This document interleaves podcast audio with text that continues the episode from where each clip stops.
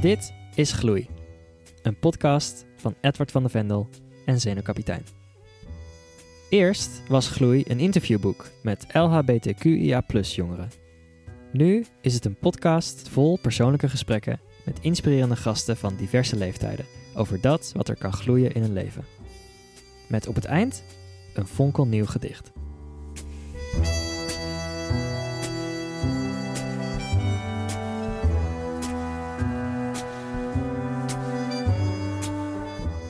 Claire Zhu werkt bij filmmaatschappij NL Film als creative producer en maakte internationale furoren met haar eigen korte afstudeerfilm Stille Dorst over een Marokkaans-Nederlandse man die nadat zijn huwelijk mislukt is gevoelens krijgt voor een jongen. Haar volgende project is de korte film Het Optreden over een moeder die probeert haar transdochter voor de Chinees-Nederlandse gemeenschap te verbergen.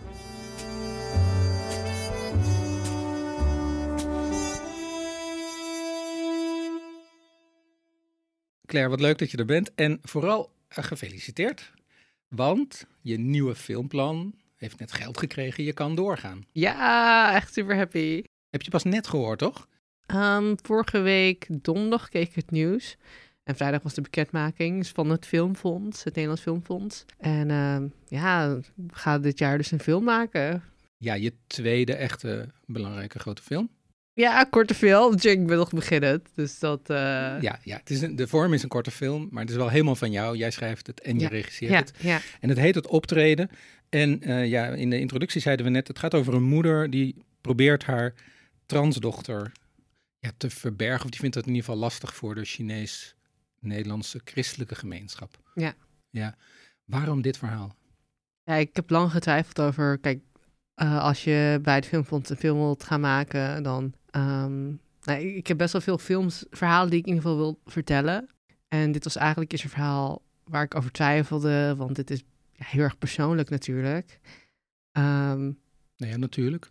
Wat, is er persoonlijk aan? Uh, nou, het gaat over een moeder die haar transdochter voor de Chinese christelijke gemeenschap verbergt.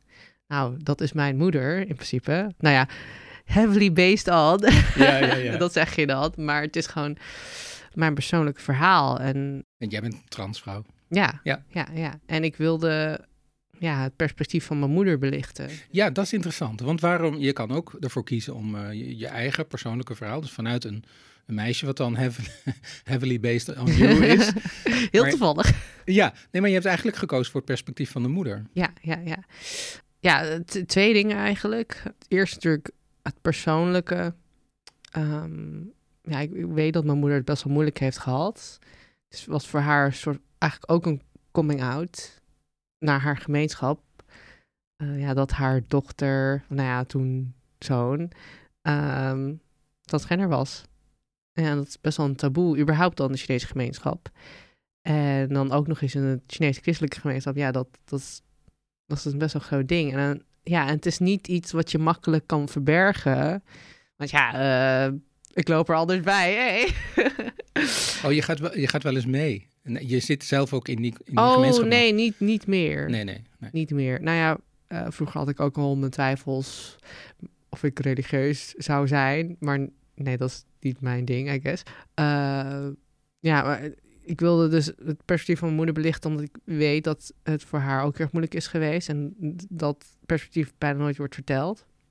En daarnaast, ja, uh, weer een film over transitie.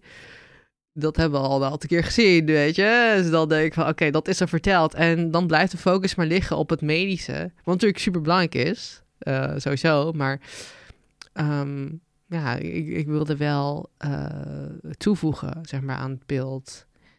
En ik denk dat hoe meer begrip er ook is voor de situatie van ouders die hun kinderen moeten accepteren, die voor mijn moeder heel erg lastig was, ja, dat ze hen ook misschien beter kunnen begrijpen. En uh, dat voor hen ook ja, de weg makkelijker kan worden naar het accepteren van hun kinderen. Dat. Ja. nou, laat, laten we eerst even naar dat, naar dat persoonlijke verhaal kijken. Uh, eerste, eerste vraag maar eens, wat voor, wat voor kindje was je? Oh, wat voor kindje was ik? Um, ja, vrij stil. Uh, ik was echt wel iemand die altijd de kat uit de boom keek. Natuurlijk had ik ook best wel, ja, ik was de enige Aziat of enige Chinees op mijn basisschool, middelbare school. Dus ja, ik voelde me eigenlijk altijd al een beetje een outsider. Ik werd er ook om gepest. Een tijdje. Waar? Eh, Op de basisschool ook Op de al? basisschool ook al. Ja. Ja, toen was Shin-Chan, eh, ik weet niet of je die kent, die tekenserie. Maar dat was best wel een ding toen. En ja, dat eh, was niet leuk. Maar ik had altijd, ik had altijd dus een gevoel dat ik er niet echt bij hoorde. Of dat er iets mis was met mij. En ik heb dat altijd afgeschreven aan, ja, dus dat pesten en zo. Het zal daar wel aan liggen. En toen het pesten stopte, ja, op de middelbare school. Toen merkte ik, oh, hey, ik, ik voel me nog steeds anders. Waarom? En ja, ik kreeg gevoelens voor jongens. En dacht ik eerst van, hè, maar ben ik dan homo? Nee, dat, dat klopte ook niet in mijn hoofd. Ik, ik, voelde me niet... Ja, ik voelde me geen... eh, joh, ik voelde me een meisje. Dat, dat kwam, zeg maar. Ja, eerst, eerst nog even, misschien nog, nog verder terug. Je, je ouders zijn in China geboren, zijn naar Nederland geëmigreerd. Mhm. Eh, jij bent hier geboren. Ja. Heb je nog broers of zussen? Ik heb één broer. Ja. Ouder, jonger? Ouder. Ja. Ouder, ja. En ze hadden een, een Chinees restaurant. Ja. Hebben ze niet meer. Eh, en je vertelde net in het voorgesprek dat je daar ook wel werkte. Ja, klopt, klopt. Als ja, kind, tiener, gewoon meehelpen in het restaurant. Want het is een familiebusiness. Dus dan, ja, dan zie je ouders gewoon werken. En dan, ja. Ik had ook wel contact met de klanten, zeg maar. Als mijn voormalige zelf. Noem je dat je voormalige zelf? Of, ik weet het niet. Zeg maar, de terminologie verandert steeds. Dus ik, ik, ik, eh, ik ben nog ja, wie ik dacht te zijn toen. Ja, en na een tijdje eh, werd het voor mij gewoon niet meer houdbaar. Gewoon mentaal, zeg maar. Eh, dus ik kwam rond mijn 15 of zoiets uit de kast naar mijn ouders. Ja, want dat, dat, eh, er, is dus een tijd geweest, dat vertelde je, dat je na het pesten en na de, de, ja, de gedachte, misschien val ik dan op jongens, Ja. eh, maar dat dat nog steeds niet bevredigend was. Hoe heb je toen de weg gevonden naar die waarheid, naar van ik ben, ik ben een meisje en ik, ik wil in transitie? Eh, wow, dat is eigenlijk een. Oh, nu zul ik nadenken. Misschien is dit ook wel mooi voor in een film. dat is echt. Eh, toevallig was er een meisje op mijn school, of mij zelfs in mijn klas, die transgender was. Ah, Ja, echt eh, de, het toeval. Maar ja, hoe ben ik hierop gekomen? Ik denk dat het ook echt een heel erg diep eh, onderbuikgevoel was altijd. En zo op een moment, ik weet nog dat ik op de zolder zat in mijn eentje. En ik had voor mezelf een BH gekocht. Ik ging voor de spiegel staan en ik deed hem aan om te kijken van, ja, is dit het? en je was toen 14. Zoiets, ja. Ja. Ja, ja, ja. Hoe had je, sorry voor de concrete vragen, maar die, had je die in het geheim gekocht of had je die met iemand gekocht? In het geheim, sowieso. In Ja. mijn eentje. Oh, ja, ja. Dapper wel. Ja, ja, best wel. Ja, eigenlijk wel. Maar ik deed natuurlijk ook best wel uit een noodzaak. Want ik merkte echt, ik, ik kon niet meer echt verder, voor mijn gevoel. Maar dat moment was zo heftig voor mij. Dat ik die BH aandeed en zag, oh, dit is het. Maar dat besef van, oh, dit is het. En dan wat dat betekent, dat was echt heel heftig. Ik voelde me echt een heel zwaar gevoel kwam over me heen. Want ik wist, ja, dit eh, gaan mijn ouders niet eh, leuk vinden. Op school was ik al een beetje een weirdo. Oh ja, dan niet nog meer. Weet je, nu ben een ali- alien. Ja, maar je zei al net, letterlijk, eh, het was eigenlijk zo dat ik niet verder kon. Ja. Wat, hoe moeten we dat zien? Hoe, hoe... Nou, het is echt, eh, ik, ik, het was, ik, ik kwam op een punt, of ik ga niet meer verder, gewoon niet meer leven, of ik ga leven als mezelf. Hmm. Dus eigenlijk is het ja, juist die eh, rock bottom geweest, wat me heeft geholpen die keuze te maken. Dus ja, dat, ja, Ja, want je dacht, je hebt dus, dan is er dus iets in jou geweest wat heeft gekozen voor nou, de moeilijke, ook de moeilijke weg, namelijk jezelf gaan worden en jezelf tonen. dit is misschien, ik weet nog niet of dit super cliché is, maar je kent de film Brokeback Mountain. Ja. Eh, die had ik gekeken, ook rond mijn veertiende. Nou ja, misschien wel een halfjaartje daarvoor, voordat ik echt dat besef maakte. Maar natuurlijk in die film, weet je, het eindigt heel erg tragisch. Ja, het gaat over twee cowboys die verliefd op elkaar zijn. Een Ja. onmogelijke liefde. Ja, ja, ja. Het eindigt heel slecht, Het inderdaad. eindigt heel slecht. Ik weet niet of ik het moet spoilen nu, maar Ik denk dat veel mensen hem kennen. Oké, oké. Als je hem nog niet hebt gezien, dan... eh, ja, oké. Eh, maar in ieder geval, de hoofdpersoon... eh, hij verliest dus zijn liefde. En hij gaat helemaal in zijn eentje wonen in een trailer. Ja, hij, is heel tragisch, eenzaam. Maar hij heeft wel vrede met zichzelf. En voor mij was die vrede... Weet je, dat, dat was genoeg. Dat was al beter dan dat gevoel, ik hoef er niet meer te zijn. Ja. Ja. Oké, dus op zich ook bijzonder, ook veelzeggend dat het uit een film kwam. Jij als filmmaker. Ja. Ja. Eh, maar zelfs die, die, die, die, die, die kilte en eigenlijk terug de kast ingaan van die Mhm. hoofdpersoon, dat vond je dan nog te prefereren boven zoals jij toen leefde. Nou, ik zag hem niet per se. Nou, ik weet niet. Natuurlijk, de, de film is multi-interpretabel, maar, maar hij, hij voelde wel wie hij was op het einde. En ja, nou, in de film heb je nog een beetje met zijn dochter of zo, dat hij daar contact mee heeft nog steeds. Maar gewoon dat niet meer hoeven liegen tegen jezelf. En gewoon, ja, weet je, dit, dit is gewoon wie ik ben. En, en gewoon, ja, er is zo'n uitspraak dat als je de oorlog, eh, als je de oorlog niet er, eruit laat, dan gaat het binnen je vroeten. Dus ja, ik wilde gewoon, eh, ja, die vrede was voor mij gewoon genoeg op dat moment. En die vrede heb je ingeleid door een BH te gaan kopen en aan te doen. Eh, ja, toen voor de spiegel mijn veertiende op de zolder. ja. En op de zolder, dat, dat was waar je kamertje was. Nee, nee, nee, maar daar hing toevallig een spiegel en ik voelde me veiliger boven op de zolder waar bijna nooit iemand kwam. eh, Dus Ja. maar dat is een enorm bepalend moment geweest dus. ja, ja, ja. ja. Ja. En was het, weet je nog wat voor dag het was? Eh, volgens mij was het niet rond iets van vier uur of zo. Dus middags. Ja, het was druk beneden in het restaurant. Dus daarom wist ik, oké, ik kan dit momentje even pakken voor mezelf. Checken, is dit het? Eh, ja, en dat was voor mij toen duidelijk. Terwijl het leven beneden doorging, kon jij daar bovenin een enorme waarheid ja, ontdekken. maar toen moest ik weer naar beneden. Dus, eh, Ja, nou ja, je zei net, het was een enorm zwaar gevoel. Waar, waar bestond die zwaarte dan uit? Nou, vooral, oh, dit is het. Dus ik moet in transitie gaan. Eh, ik moet naar buiten treden, naar mijn ouders toe, dat dit zo is. En alle gevolgen daarvan. Op school, alle gevolgen, weet je, ondergaan van, oh, ik ben nog meer anders. Eh, eh, want ik was de enige Chinees in- op mijn hele school. Ehm, en ja, eh, gewoon dat mijn leven anders zou zijn dan de meeste.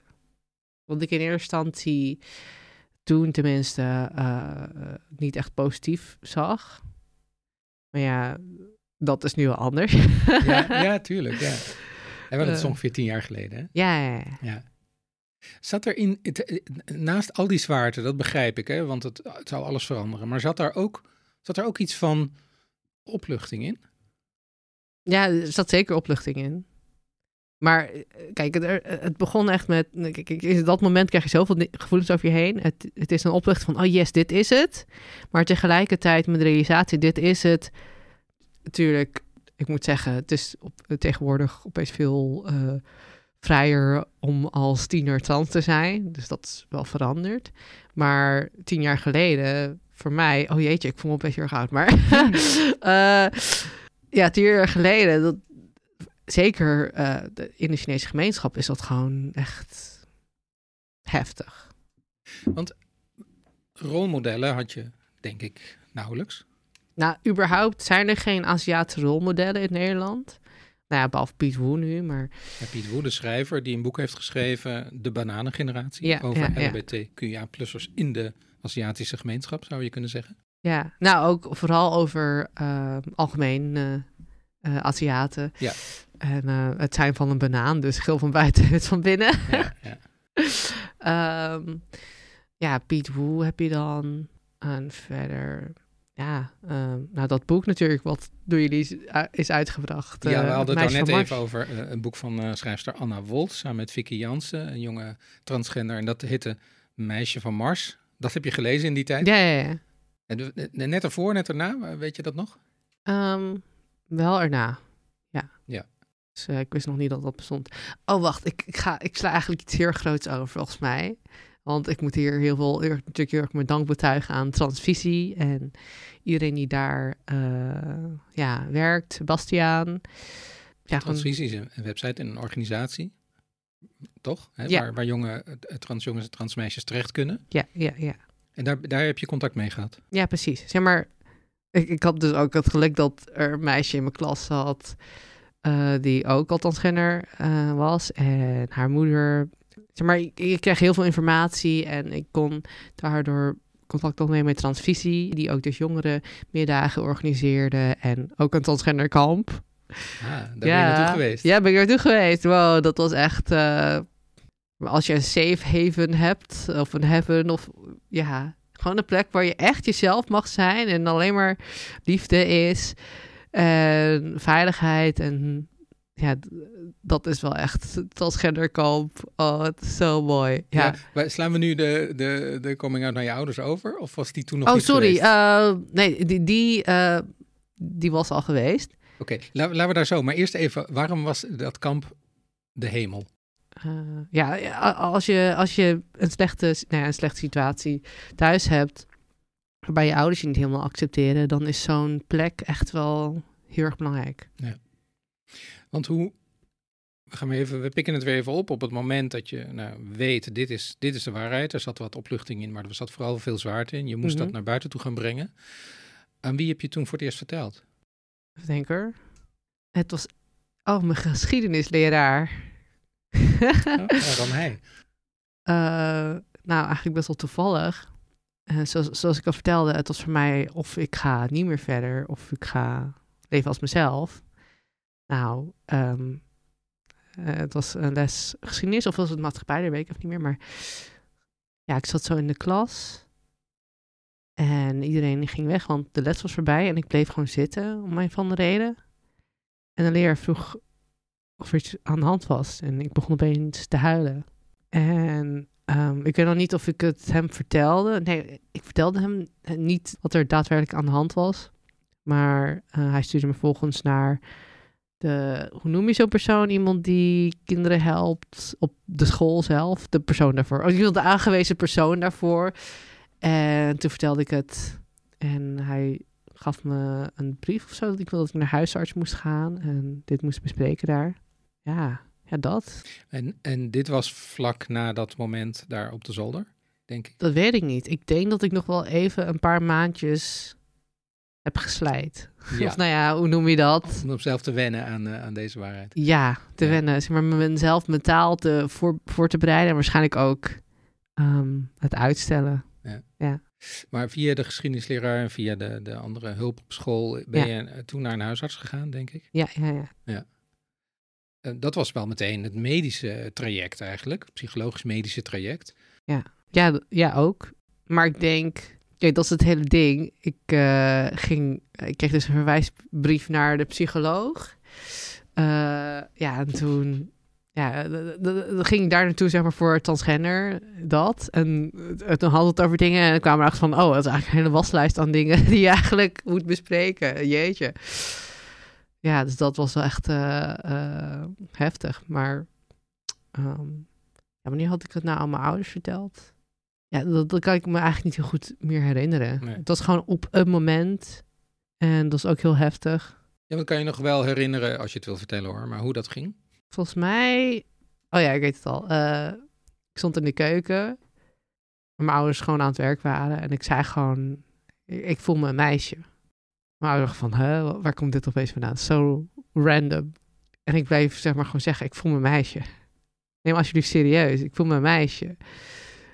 En mijn vader, die... Ik weet mijn vader die houdt dingen best wel gewoon binnen. En hij, ik denk, hij zei niet heel veel dingen. Maar mijn moeder, die, die werd wel meteen van, waar heb je het over? Waar heb je het over? En, en ik word emotioneel en ik bleef zeg maar aanhouden. En ehm,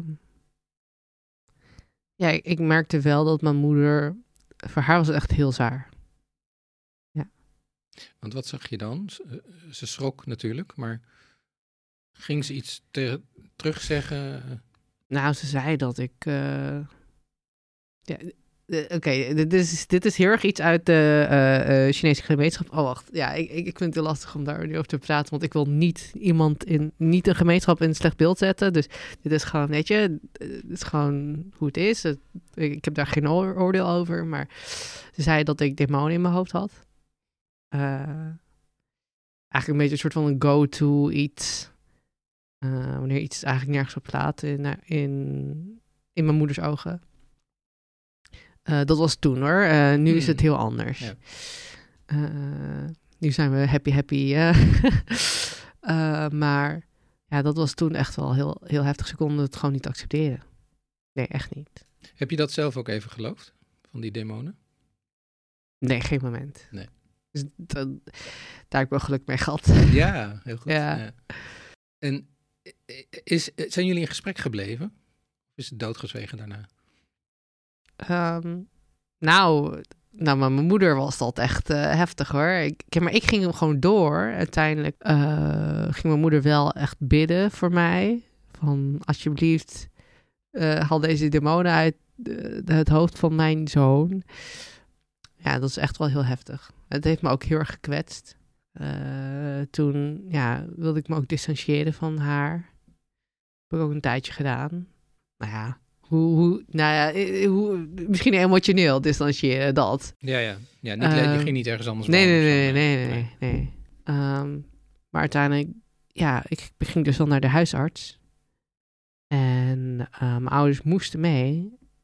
En daar werd het voor haar ook wel opeens heel echt. En ja, ze moest ook huilen daar. Ik heel heftig vond. Maar ik hield op dat moment echt altijd alles binnen. Mm. En daar was ik expert in geworden. Alles binnenhouden. Ook best wel iets Chinees, overigens. Maar, maar het was echt... eh, Ja, ik vond het best wel heftig om mijn moeder zo te zien huilen. Maar dat had je niet eerder gezien? Zo. Nee. nee. Nee, wat ik eerder zag was alleen maar boosheid en, en angst. En, en, en, en ja, natuurlijk als 14, 16, 15-jarige... Ja, dan, dan heb je ook alleen maar jouw perspectief. En in, in mijn ogen was het, waarom geloof je me niet? Het is, dit is gewoon realistisch. Of dit is echt. Het is, eh, eh, waarom geloof jij überhaupt in een god of zo? Weet je, al die dingen. eh, ik, ik kon me gewoon niet voorstellen waarom zij zo dacht. Dat is nu wel heel erg anders. En je maakt niet voor niks nu een film vanuit haar perspectief. Precies, dus precies. het is heel duidelijk dat dat veranderd is. Ja. Maar wat deed dat? Eh, ik kan me voorstellen dat als je, als je, om verder te kunnen, je een tijdje emotioneel verwijderd had van je, van je ouders of in ieder geval van je moeder. Op het moment dat je dan bij een huisarts zit, je bent, zit daar voor jou, je zit om een voortgang te bewerkstelligen en zij moeten, ze worden verdrietig in plaats van boos. Mhm. Ja, blijf je dan nog steeds emotioneel verwijderd? Of heeft dat iets anders Nou, ik heb me emotioneel moeten verder om te overleven. En ja, überhaupt in transitie gaan is al best wel heftig, weet je. En daar gaat natuurlijk ook op school en zo, weet je, al die sociale dingen. Ik vond me ook al daar een outcast.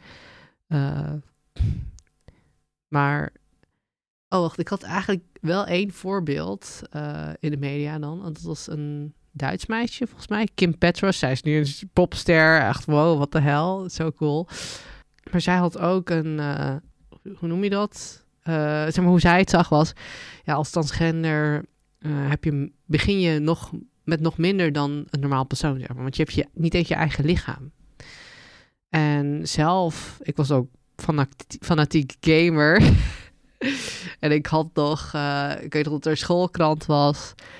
En dat je daar een eigen quote moest gaan schrijven. En mijn quote was... eh, het leven is net als een spel, maar iedereen heeft een eigen moeilijkheidsgraad. En die van mij is op eh, nachtmerrie. Nachtmerrie difficulty. Maar tegelijkertijd krijg je wel de beste eh, achievements, noemen ze dat dan. Of dus, ja, ben je wel uiteindelijk beter op in het spel als je ja, er doorheen komt.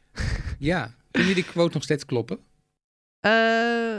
Of mijn neef nog steeds op nachtmerrie level is? Nee, nee, nee. Of- Maar vind ben je het nog steeds met jezelf eens eh, dat, je, dat, dat je de, de toerusting die je krijgt om van zover te komen, dat dat je zoveel sterker maakt? Ja, Ja. helemaal. Want ehm, maar het is iets waar je altijd op kan terugvallen, voor mijn gevoel. Maar mijn leven is nu eigenlijk eh, mooier dan ik me ooit had kunnen voorstellen. Eh, want ja, ik ben bij NL Film bezig. Ik, ik, ik mag mijn eigen film gaan maken. ik heb een vriendje die van me houdt. Wat ook heel erg belangrijk is trouwens. Eh, als je jezelf wil accepteren als transgender en dat soort dingen. Eh, kunnen we het zo wel over hebben. Ja, ja ik ben gewoon een beetje mijn, mijn, mijn droomleven aan het leven. Het enige wat ik daaraan zou willen toevoegen is, dan is het echt helemaal compleet compleet, is een kind. Maar dat is natuurlijk ook weer een heel uh, ja, issue. Uh, wat natuurlijk ook weer steeds. Kijk, hoe, hoe het voor mij voelt is. Iedere keer wanneer ik iets heb overwonnen, komt er weer een nieuwe wond of zo tevoorschijn die ik weer moet overwinnen. Maar omdat ik het leven dus zie meer als een spel van: oké, nu mijn volgende challenge. Weet je, mijn volgende taalverwerken. Ja, kom, laten let's do it. Ja, ja. En, en, en de, de, de nieuwe grote uitdaging is, is, is een kindje dus eigenlijk. Um, nou, ik weet nog niet of dat nu al zo is. Misschien over een paar jaartjes dat het echt begint. Ik wil eerst even fingers crossed corona afwachten. Ja, maar maar, maar uh, ja, ik, ik, wil nog eerst focussen op ja, misschien nog even die film, mijn carrière en dat dat allemaal goed staat. Uh, ja, ik wil gewoon uiteindelijk wel moeder zijn. Ik denk dat dat ook de ultieme validatie is, toch? Als dat gender. Tenminste, voor mij. Voor jou, Voor ja. mij. Ja, ja, ja, ja. En um, en je zegt tegelijkertijd, uh, ik heb al zoveel moeten overwinnen ja. uh, en het is nu zo fijn. Uh, je, je hebt al zoveel tools in handen gehad en je weet hoe, hoe, hoe je ze moet gebruiken. Ja, ja, ja. ja. En misschien is het ook, dat is dat hoe ik het aan mezelf vertelde, was... Ja, ik ben begonnen in de Grand Canyon. De meeste mensen beginnen op, weet je, op normaal niveau. En ja, ik moet dus eerst op naar normaal niveau klimmen en dan vervolgens de berg op. Maar omdat ik vanuit de Grand Canyon ben gekomen, weet je, ik ben al heel vaardig. Ja, je kan ontzettend goed klimmen. ja, precies. Dus ja. uh, kom maar op of zo. Ja. ja. Hoe, hoe is dat uh, qua uh, bekendmaking en aanvaarding op school gegaan? Ja, ik, ik, kon al moeilijk aanhang vinden, omdat ik Chinees was en mijn ouders hadden een restaurant. Dus überhaupt was mijn leven al heel erg anders ingericht. Maar dan ook nog eens transgender. Ja, ik, ik heb serieus een aantal keer uh, alleen uh, moeten lunchen gewoon op het toilet. Omdat ik gewoon echt het gevoel had van, oh, niemand mag mij. Uh, ja, dat is echt wel heftig. Op het meisjestoilet? Ja, dat wel. Gelukkig, dus dat was heel erg chill. Ja, ja. ja, ja, nee, mijn school was echt heel erg voortvarend daarin. Ik denk dat ik wel heel erg, door mijn coming out, er heel veel dingen zijn veranderd. Want hoe het ook begon was, weet je, ik, ik deed één haarclipje in. En dat was echt al heel heftig voor iedereen op school. Oh, echt waar? Dat vonden ze al een enorme, enorme Nou, het heeft gewoon heel veel, er is gewoon heel veel, uh, ik, ik merkte dat het echt wel waves uh, maakte in de school. Van, van, huh, kan dat überhaupt? Huh, weet je? En dat het daardoor ook een aantal leraren volgens mij uh, ook meer vrijer gingen zijn. Um, het is alsof uh, als de eerste persoon al uh, die, die stap zet, is het makkelijker voor andere mensen of zo. Zoiets. Ja, het, het, eerste jaar was wel moeilijk, want toen zag ik er gewoon niet uit. Let's be honest. Girl, ik had echt uh, tips nodig volgens mij. maar nu heb je heel veel YouTubers die je kunnen helpen. maar um, ja, het eerste jaar was wel lastig. Maar het tweede jaar, toen, ik weet nog, oh, dat is echt zo raar. Dat is dan ook een van die meisjes. Oh ja, sorry hoor, dit, ga ik gewoon zeggen. Uh, die ik gewoon niet echt mag, mocht. Uh, ik liep door de gang en het was zeg maar tweede jaar dat ik uit de kast was. En ik, ik me beter. het zag er gewoon ja, beter uit, zeg maar. En, en zij liep, liep, ik liep haar zo zeg maar tegen in de gang. En zij, uh, zij keek naar mij. En toen stopte zij. En zij, zeg maar, ik liep door en zij keek zeg maar zo naar achter. Uh, van, wat? Huh? Echt gewoon alsof ik een uh, museumvoorwerp was of zo. Ik weet even niet, maar... Uh, maar wel vanuit verbazing van... Wow, dat is gewoon een meisje. Oh, ja. dus ergens was het ook wel chill. Maar tegelijkertijd om zo aangekeken te worden. Wow, niet te geloven zeg. En er waren ook een aantal momenten waarbij ik echt wel... Ik wist dat mensen me gek vonden, of tenminste raar. Uh, dat was een beetje de standaard. bijvoorbeeld ook Weet je, je zit altijd met tweetal uh, gedurende de lessen. En toen wilde ik dus naast een, een, ja, twee keer eigenlijk dat ik naast een meisje wilde zitten. Gewoon, weet je, een klasgenoot. En dat, dat ze dan ja, eigenlijk gewoon eh, eh, walging hebben. Echt walging naar jou. Ja, ik, weet niet, dat, dat deed me niet heel erg veel pijn. Volgens mij, ik, ik, weet nog dat ik één keer gewoon tegen haar zei van, oké, dan niet, weet je? Of, eh, ja, Maar fuck jou, het- sorry. Nou ja, terecht. Ja, maar hoe kan het dat je, dat, dat je zo sterk was dat je dat niet zoveel deed? Jeetje, dat weet ik eigenlijk niet.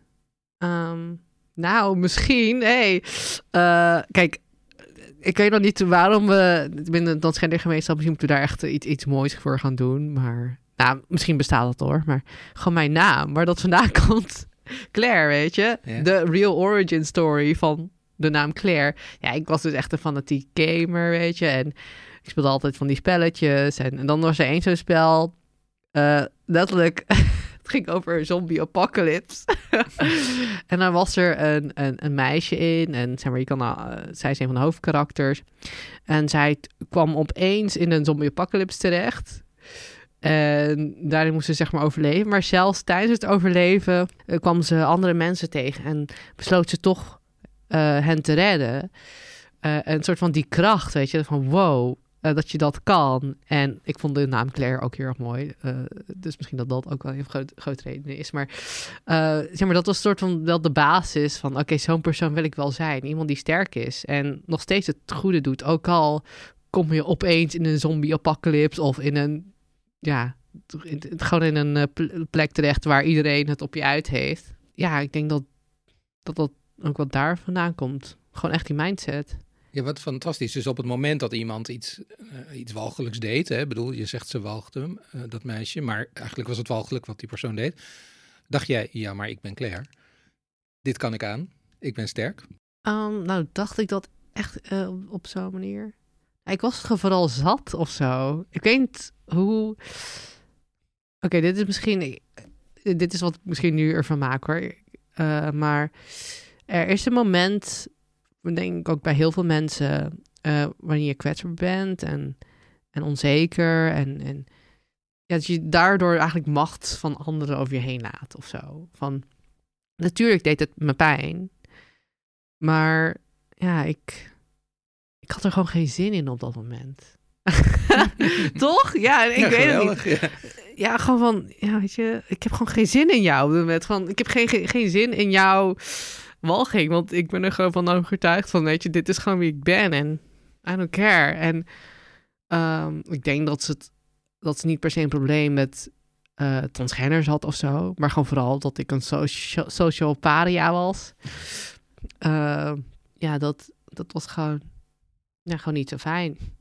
Maar ik moet wel zeggen, kijk, ik wil niet iedereen zwart maken of zo. Er waren wel twee momenten eh, van klasgenoten waarbij ik echt wel voelde van wow, jullie zijn echt eh, amazing. Eh, natuurlijk, eh, het clubje waar ik altijd een beetje mee omging, weet je. De, de, toen dacht ik, oh, dat zijn een beetje de weirdo's. Maar nu denk ik, weet je, oh, dat zijn eigenlijk de cool kids, weet je. Ja. Dat zijn de kids waar je film over wilt maken. Ja.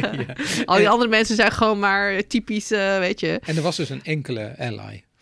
Eh, nou, Ally, nou, het was een van de quote-unquote populaire meisjes. Mij was het tijdens de Griekenlandreis, excursie. En er wa- waren geen plekken op de bus en ik zat alleen. Zij kwam naast mij zitten en ze behandelde me gewoon als mens. Weet ze vroeg gewoon, ze was gewoon oprecht geïnteresseerd in mij. En dat gaf me gewoon zo'n boost in mijn zelfvertrouwen ook. Van, wow, dus zo kan het ook. En er zijn mensen die ja, gewoon, gewoon fijn zijn en, en accepterend zijn en aardig zijn. En ehm, ja, dat, dat was echt wel eh, ja, heel, heel belangrijk ook. Wanneer, eh, wa- wanneer ben je, als het, als het om, eh, ja, om die periode gaat, wa- wanneer ben je in die periode het blijst geweest? Het blijft. Oh jeetje. Nou, misschien vooral trots op mezelf. Ja, oké. Dit klinkt hier misschien heel erg cliché voor alle mensen die transgender zijn die dit luisteren. Maar gewoon, ja, ook wel de hormonen en, eh, en ook gewoon als mezelf gezien worden. Ja. Dat. Zoals transgenderkamp, weet je. En ook door mensen op straat, gewoon de validatie van mevrouw en al die dingen. Gewoon heel die, echt die basisdingen. Maar dit is echt de, de, weet je, de transitieperiode. Hoe ik, zeg maar, hoe ik het nu iemand zie, zeg maar, zo lang nu als mezelf te leven, is van, ja, als je uit de kast komt, ga je een transitieperiode in. Maar daarna, wanneer dat is afgerond, dan leef je ook als jezelf, zeg maar. Dus dan, dat is ook een hele grote... Ja, maar ja, ik denk dat daar ook wel meer mag van komen in de media. Gewoon, Je bedoelt het, het gewone leven. De... nou, bijvoorbeeld, weet je, dat de kinderen wil. Ja, zo. ja, ja, op die manier bedoel je. Ja, gewoon van, weet je, kijk, je- eh, transgender zijn, ehm, dat is een deel van wie je bent. Ja. Eh, het is super belangrijk, want als je zeg maar, niet je genderdysforie aankaart, ja, dan bij mij was het, ik wilde zelf plegen. Weet je, zo heftig was het. Mhm. Eh, maar daarna, wanneer je zelf bent, ja, dan, oké, wie is Claire? ja. Weet je? Ja. dan komen al die vragen weer. Nou ja, hoe, hoe makkelijk of moeilijk was het om dat uit te zoeken? Ehm, nou, ik had ergens wel het geluk, of nou ja, het geluk. Ik, ik maakte de keuze, eh volgens mij nog voordat ik in transitie ging, of tijdens. Van oké, als ik deze droom achterna, achterna ga van mezelf zijn, ga ik wel ook mijn andere droom achterna filmmaker worden. dus heb ik dat gewoon gedaan en tot nu toe gaat dat best goed volgens mij.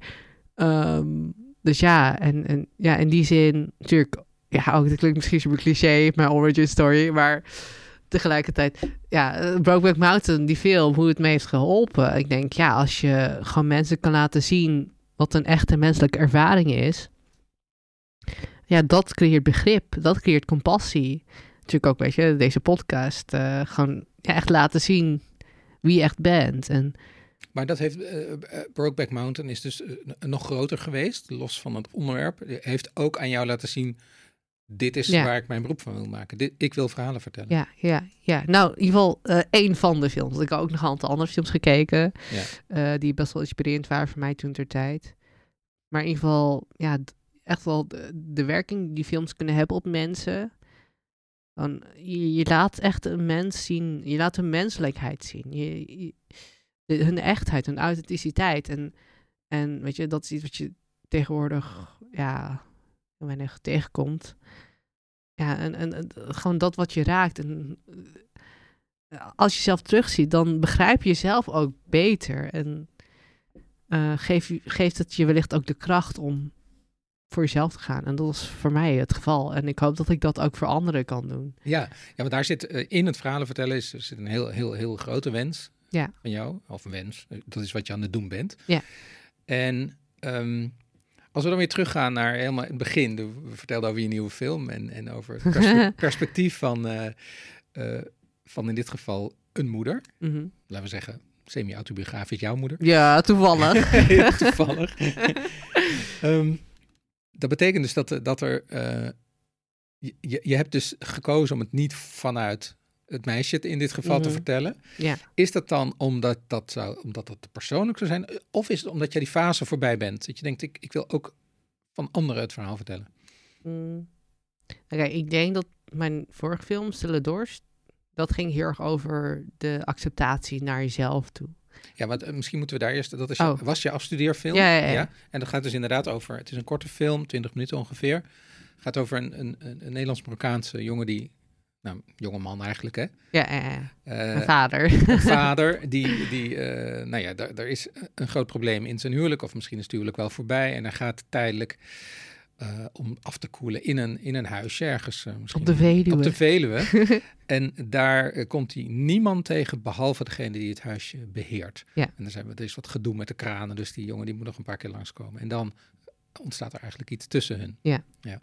En je zegt, dat was eigenlijk, dat ging nog over een vorige fase ja, van dat, mij. ja, dat ging echt heel erg over het accepteren van jezelf.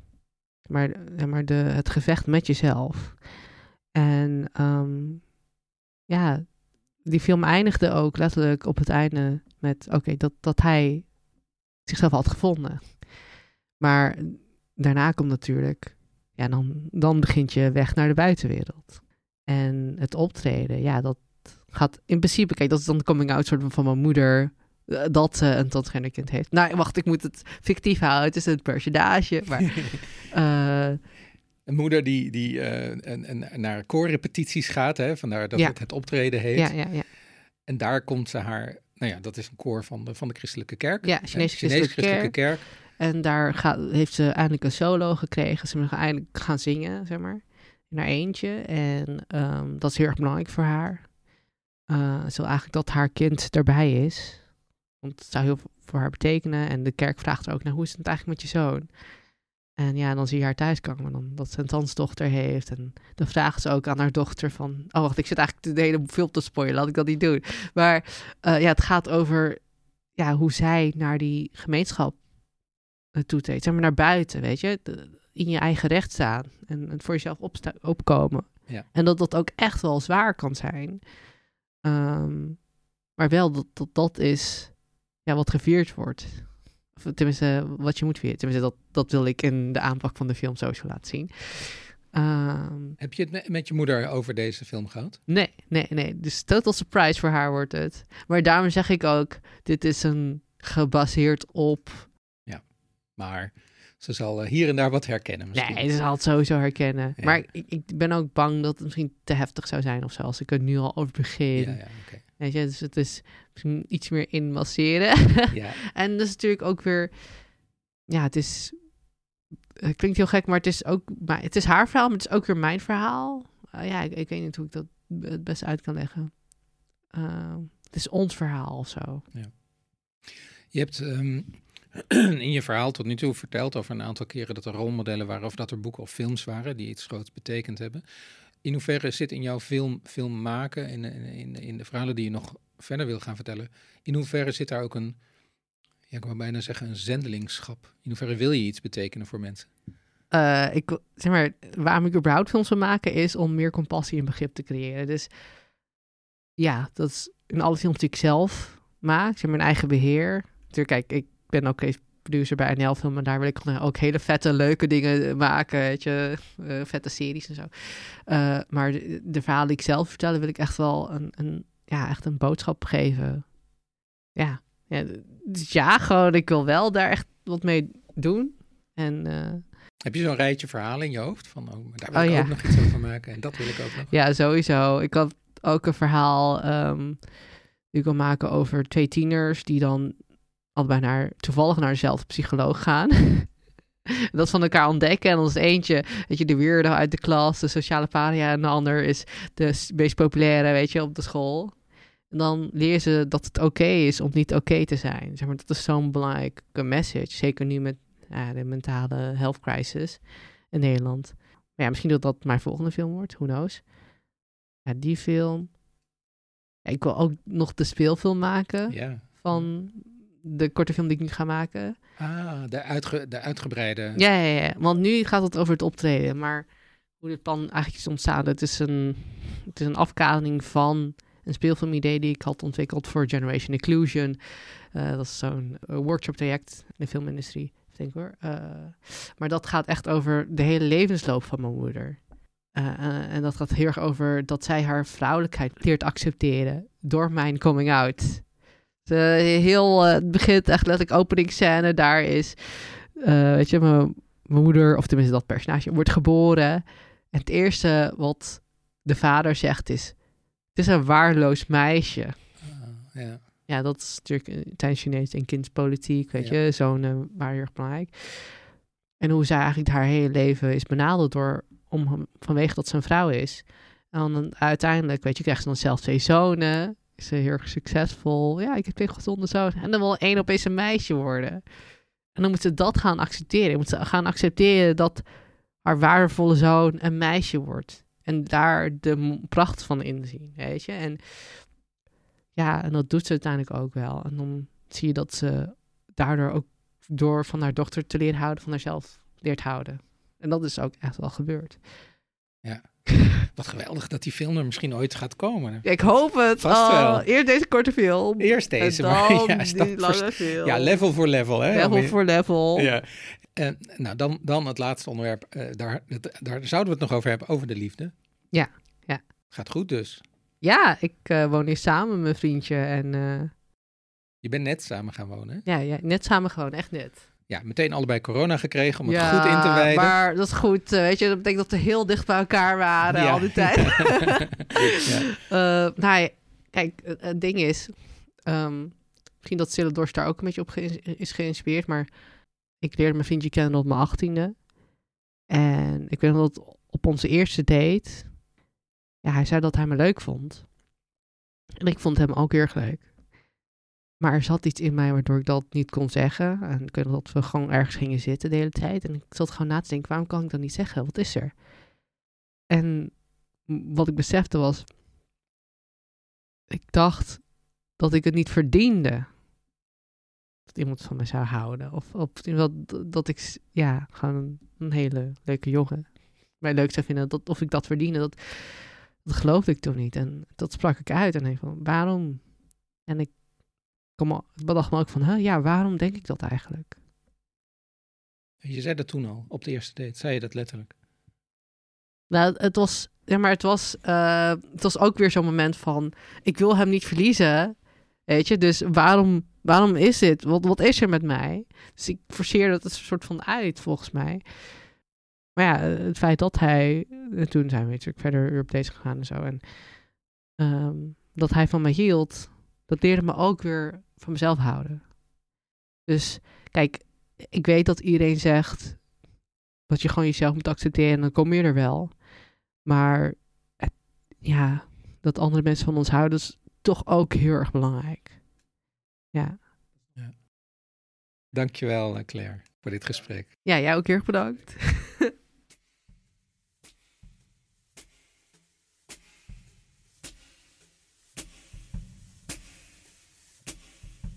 Bij dit gesprek maakte Tjeren Uzuner een gedicht. Tjeren is schrijver, studeert komend jaar af aan Artes in Arnhem en werkt momenteel aan een novelle over queer zijn en een biculturele achtergrond hebben. En dit is wat Tjeren over dit gloeiende interview schreef.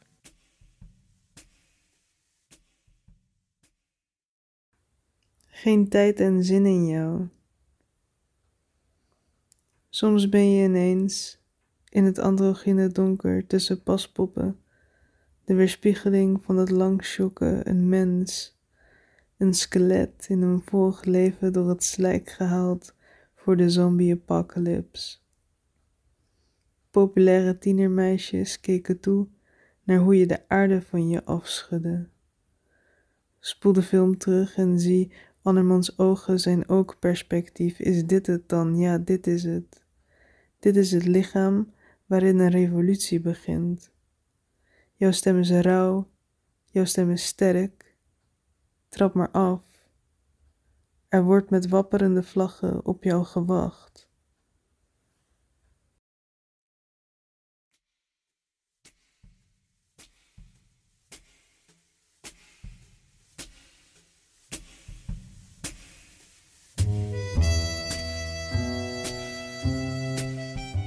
Dit was Gloei. Edward van de Vendel deed de interviews. Productie en editing waren in handen van Zene Kapitein. En single-uitgeverijen maakten deze podcast financieel mogelijk. Het gedicht van deze week werd geschreven door Tjeren Uzuner. En Floor de Goede maakte een getekend portret. Te zien in je podcast-app, op @gloeipodcast op Instagram en op gloeipodcast.nl. Daar vind je ook de tekst van het gedicht, ons mailadres en alle afleveringen bij elkaar. Volgende week woensdag komt er weer een nieuw gesprek online. Tot dan!